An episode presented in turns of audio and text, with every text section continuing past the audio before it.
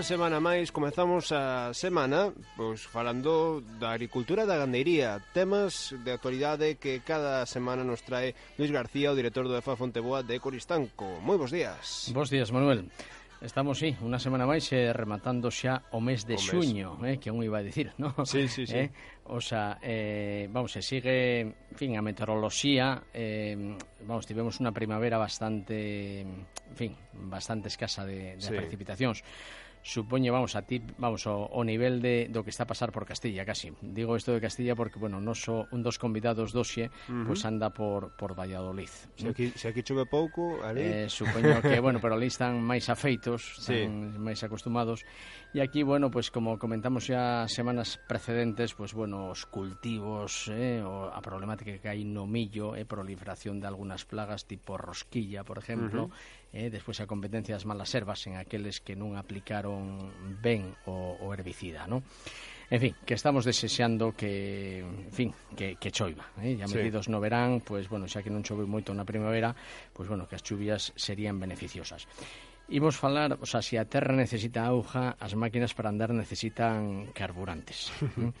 e hoxe imos falar de precisamente de carburantes, o sea, no rural, no sector agrario e todo isto, pois pues, bueno, hai a actividade diversa e fan falta moitas cousas, non? Entonces, acordaste que a semana pasada falamos aquí con Jesús Montoro, que era sí. el responsable de John, de John Deere, Deere de grandes motores, creo que era, ¿no? Una semana de, pues, de la maquinaria Exactamente. agrícola. Entonces, que... esa semana que hubo lunes y martes de maqui sobre maquinaria agrícola, pues también se tocaron todos los temas de eficiencia, medio ambiente, uh -huh. y bueno, lógicamente, si hablamos de estas cosas, hay que considerar o tema dos carburantes, ¿no? Entonces, un dos ponentes, eh, a semana pasada foi Eduardo Cuesta Madrid, que é o coordinador da asistencia técnica mm, de ventas directas de Resol para a zona noroeste. Está en Valladolid, pero, bueno, falamos con él. ¿eh? Uh -huh. Bos días. Eh... buenos días, Alberto. Eh, buenos días. Bueno, por ahí, por Valladolid, tampoco llueve, ¿no? No, tampoco no. no, Pero, no, pero bueno, ahí estáis acostumbrados, ¿no? Ya tenéis, eh, son cultivos de secano y, y- y después en algunas, algunas zonas tenéis regadío, ¿no? sí, efectivamente. Mm. Bueno, regáis con agua donde hay regadío, porque bueno, mm, después los motores decíamos, comentamos Manuel y yo aquí que bueno, que necesitan para su buen funcionamiento necesitan disponer de buenos carburantes, ¿no? Sí, de agua difícil. bueno, todo se llegará, ¿no? Hombre, por ahora es una enemiga el agua. Sí, bueno, pero se está haciendo mucha, entiendo que, que bueno, mucha investigación y todo esto, ¿no? Sí. La verdad es que tenemos un centro especializado en, en Móstoles, el CTR, Sí. que está especializado en la investigación de carburantes y, pues oye, Sí, eh, entonces, bueno, eh, la primera pregunta es obvia. Eh, bueno, los carburantes son necesarios, eh, eh, bueno, todos son productos derivados del petróleo, mm, del petróleo parece ser que sale todo, ¿no? Salen muchas cosas. Mm, los motores agrícolas utilizan preferentemente, bueno, pues gasóleos, ¿no? Eh, ¿qué- ¿Cómo podríamos definir el gasóleo? pues verás, el gasóleo es un, un derivado del petróleo.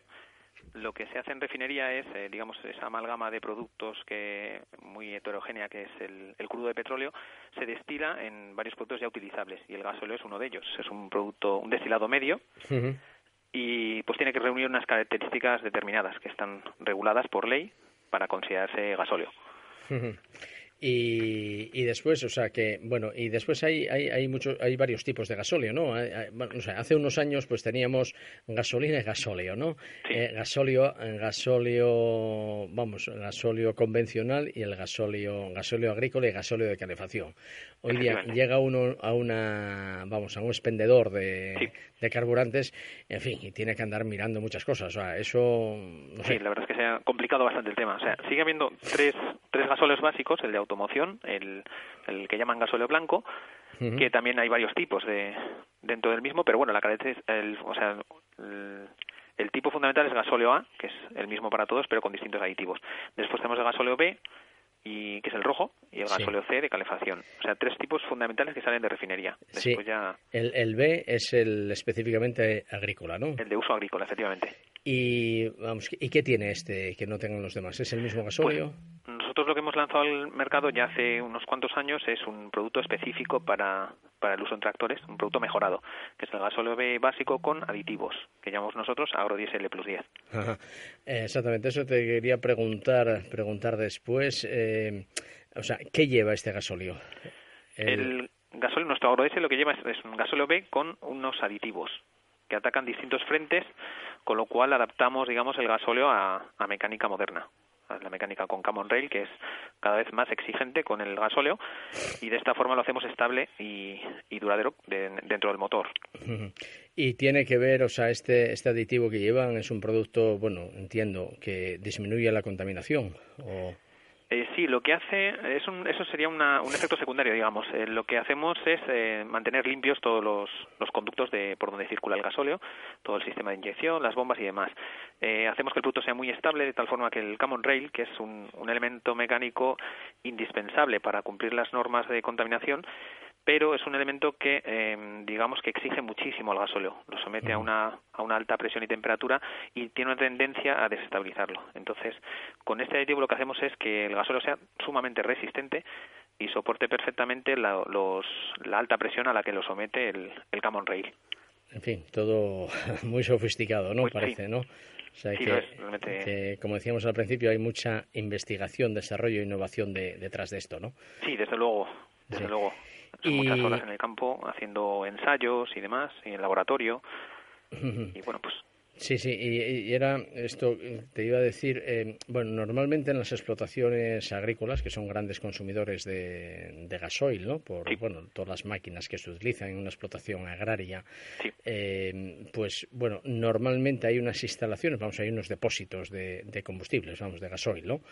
Entonces, vosotros, vamos, las empresas suministradoras, expendedoras de, de carburantes, bueno, eh, depositáis allí, ¿no?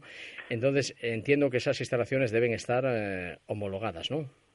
Sí, efectivamente, son instalaciones que, aunque sean pequeñas, tienen que tener su legalización y deben estar, deben ser los depósitos homologados, tener una, un registro en industria y deben pasar sus eh, revisiones periódicas. Revisiones periódicas, efectivamente. Son instalaciones eh, IP04, pero pequeñas. Son pequeñas. La mayor parte de ellas, yo creo, no superan los, los 5.000 litros.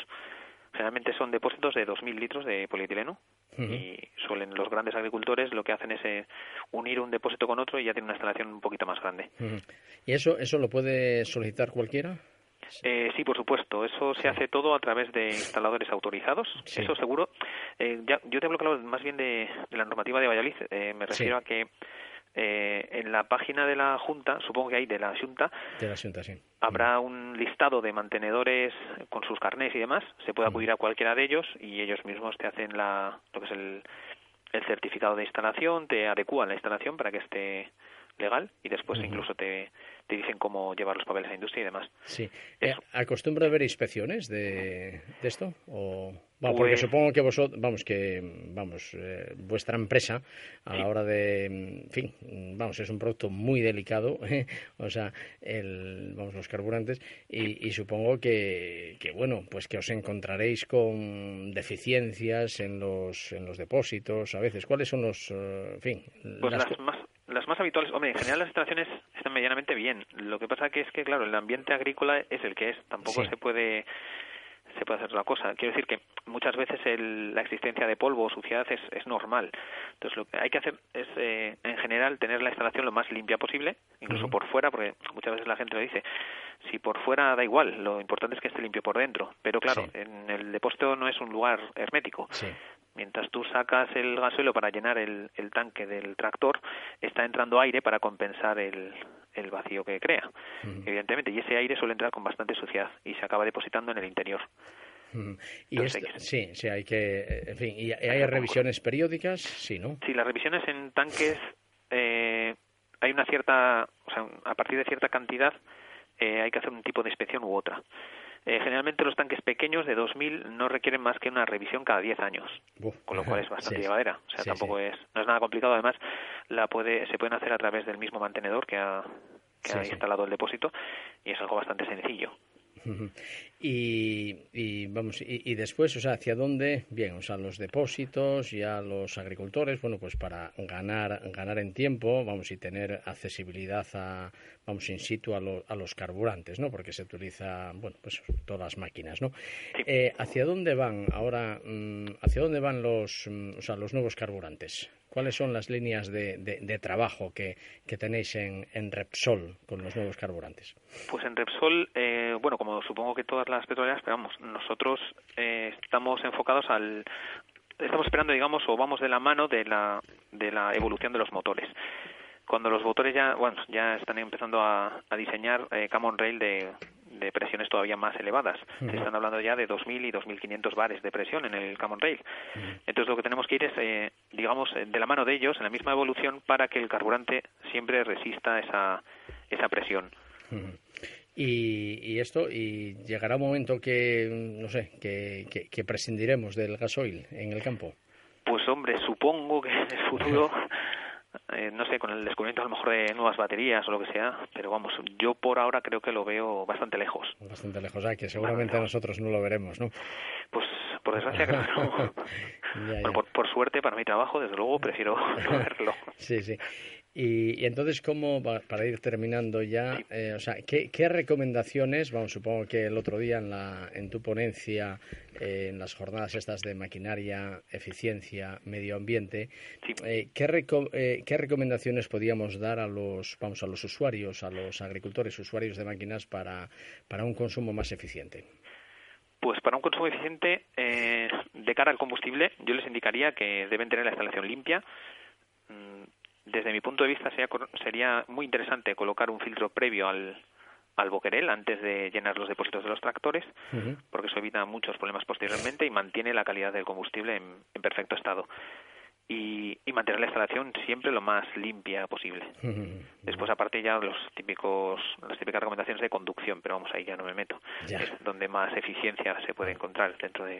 Lo mismo que en los coches, ¿no? Efectivamente, efectivamente. No, después ya habría técnicas que, que desconozco, como el uso de aperos de labranza o lo que sea, que ya no muy bien.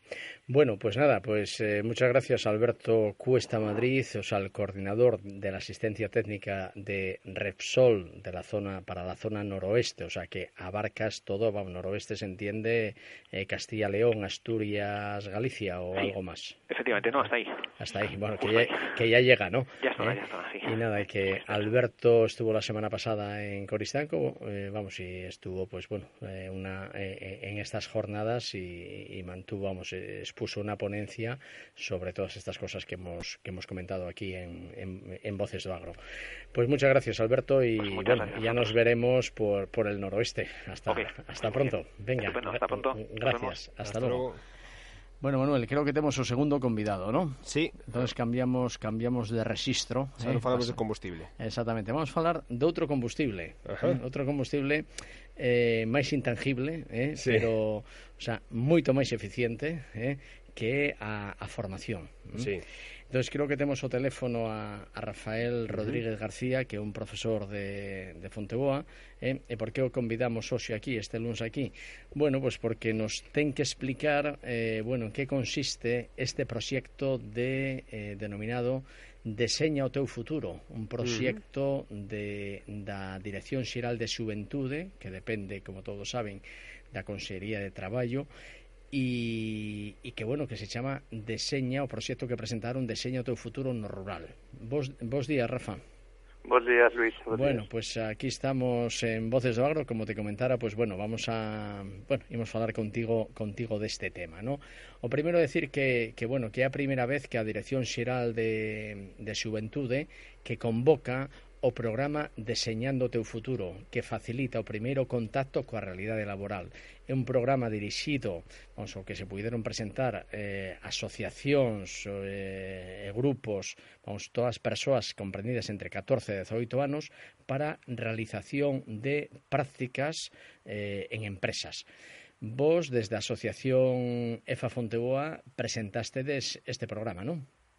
Sí, hemos presentado a solicitude, Uh -huh. eh, esta semana nos han confirmado, entón, a idea é esa que 26 alumnos do, do centro realicen unha estadía en nunhas empresas do, do, do medio rural uh -huh. de distintos sectores. Uh -huh. So, estes son alumnos de secundaria, non? Sí, sí, a obrigatoriedade deste proxecto é que sexan de entre 14 e 18 anos. Uh -huh. Entón, polo rango de idade son todos de secundaria. Sí, o sea que, o sea que esta é unha novidade, ¿no? O sea que alumnos de educación secundaria obrigatoria de 14 a 18 anos que poidan facer isto, eh, vamos, durante o verán, ¿no? Sí, eh, foi o que máis chocou porque incluso as empresas nos preguntaban como era iso que rapaces menores de 16 anos menores de idade ¿eh? Sí, menores de idade, en concreto de 16 porque, bueno, como a partir de 16 se poden empezar a traballar pois chocaballe, sobre todo polos menores de 16 entón uh -huh. se descomentou que era un proxecto da, da Dirección General de Juventude e, eh, e nada, eso, que, que era, un, era algo novidoso que a idea era dalle a primeira a, a primeira estancia profesional aos rapaces de esas idades e sobre todo para, para elegir despois o seu futuro, para que vexan como é o traballo día a día na empresa. Uh -huh. eh, cantos alumnos van a participar e en, e en que perfis de empresa? Eh, nos en concreto, en concreto, cada asociación como máximo podía presentar 30, nos conseguimos a 26 eh, empresas, xóvenes, entón, sí. xóvenes eh, ligados a unha empresa cada sábado, entón nos vamos a presentar, eh, bueno, van realizar eh, 26, 26 rapaces, van uh -huh. a realizar prácticas en empresa. Sí, Os sectores son, sí. son variados. Hai algún do sector primario, que son prácticamente a metade, pois hai talleres, eh, hai comerciais, eh, de, un pe, eh, pequenos supermercados, hai un poquiño un poquiño de mm. todo. Si sí, eu teño aquí unha cousa que me pasaras esta mañán, aquí hai desde xente que fai en Calvo, eh, sí. eh talleres, eh, talleres, eh, ganadería.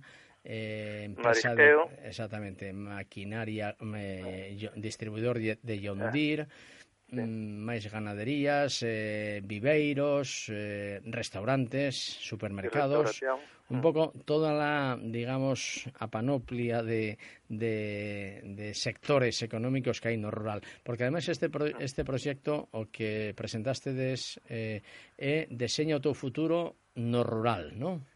Sí, no rural, sobre todo iso, porque o, os nosos alumnos viven no rural e, e as que queremos que descubran eh, e que fortalezan a, o tecido as empresas do rural, o tecido empresarial do rural e que hai, que hai futuro.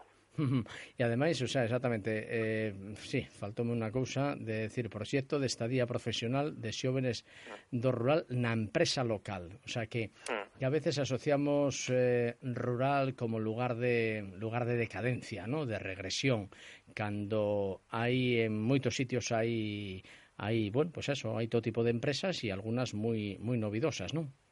Hmm, sí, sí, sí. Y, y despois, eh, bueno, que con isto pretendedes pues trasladar, trasladar a modo, vamos, podíamos decir, trasladar a formación dual ou metodoloxía da alternancia, né, cousa que se aplica en programas de formación profesional, o alumnado de educación secundaria, non? Sí, sí. É iso, que reciban un período de formación e que vayan tamén vivindo eh, vivencias na, na empresa. Formación e eh, práctica, todo ligado. Sí. Esto, esto como te desorganizado?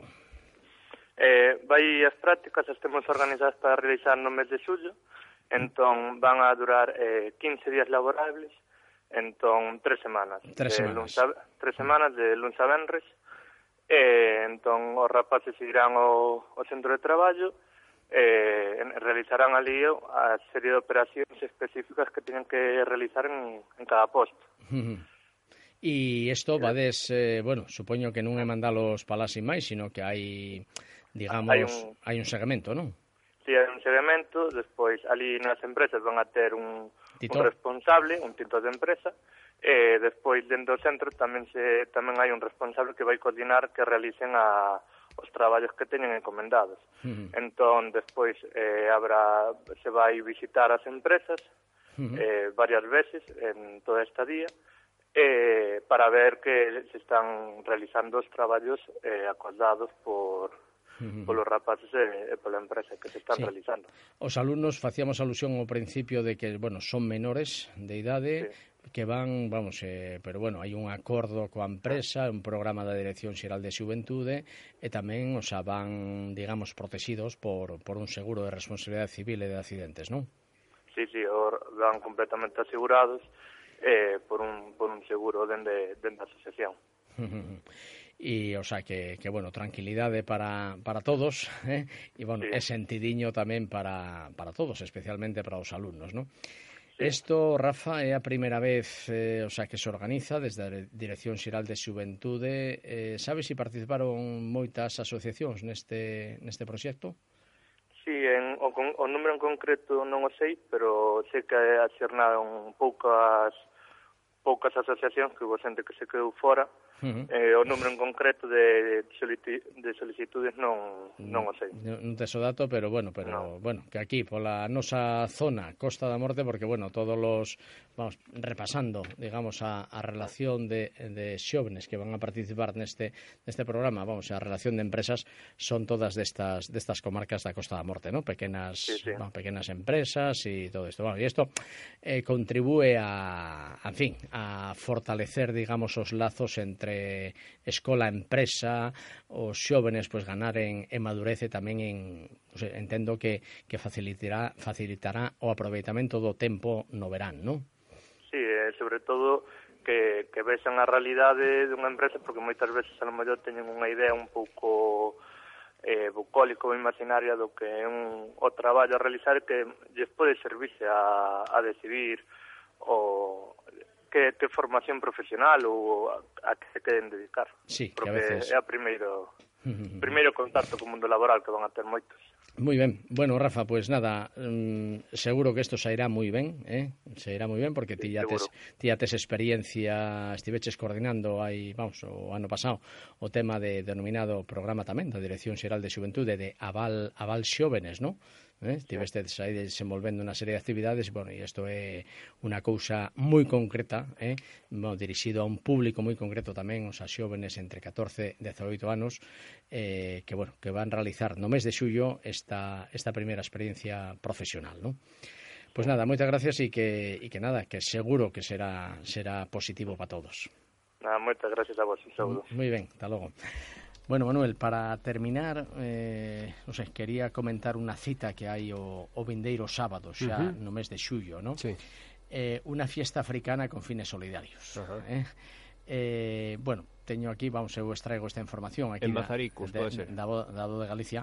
E ademais, os hai un par de días eh, falaba co, co organizador que é o, o chamado cura negro de Mazaricos, mm, que de me chamaba de, de Siré, non me acordo o apellido, eh, que me chamaba por, a ver, bueno, hai un proxecto aí con Costa de Marfil, eh, de en Fonteboa, pois pues, temos previsto, a ver se si, si se materializa, xa o intentamos o ano pasado, esta asociación eh, eh, pues, ten interés en que veñan a formarse aquí xóvenes de de Costa, Costa de, Marfil. Marfil. O ano pasado eh, estaba previsto que viñeran dous xóvenes a facer o ciclo formativo de grado medio de produción uh -huh. agropecuaria coa idea de formarse aquí e despois, transcurridos dous anos de formación, regresar a su país eh, para, para poñer en marcha, y... poñer en marcha un vamos actividades de formación, ¿no? Entonces hubo determinados problemas, vamos, con visados, homologación de titulacións, etcétera, e estáse reiniciando todo o proceso para o curso 2015-2016. Oh, eh, entonces, bueno, si esto se materializa será unha novedade e será unha riqueza penso que para, para os centros de formación sí. e bueno, e unha satisfacción tamén que estamos eh, pues contribuindo ao desenvolvemento dos países, valga la expresión, sí, sí, subdesenvolvidos, sí, sí. ¿no? Entonces, bueno, esto que te decías, a festa, fiesta africana con fines solidarios, titulado de Galicia hay unos días, dice que el próximo 4 de abril tendrá lugar en Mazaricos la séptima fiesta africana con fines solidarios.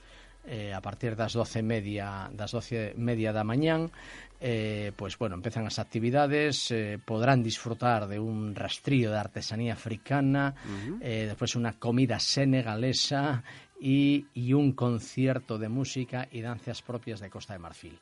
Eh, los beneficios de esta fiesta, a pesar de pasar, además de pasarlo, vamos de pasarlo muy bien, pues eh, bueno, irán destinados a, a, proyectos solidarios de tipo sanitario, educativo en el sur de Costa de Marfil.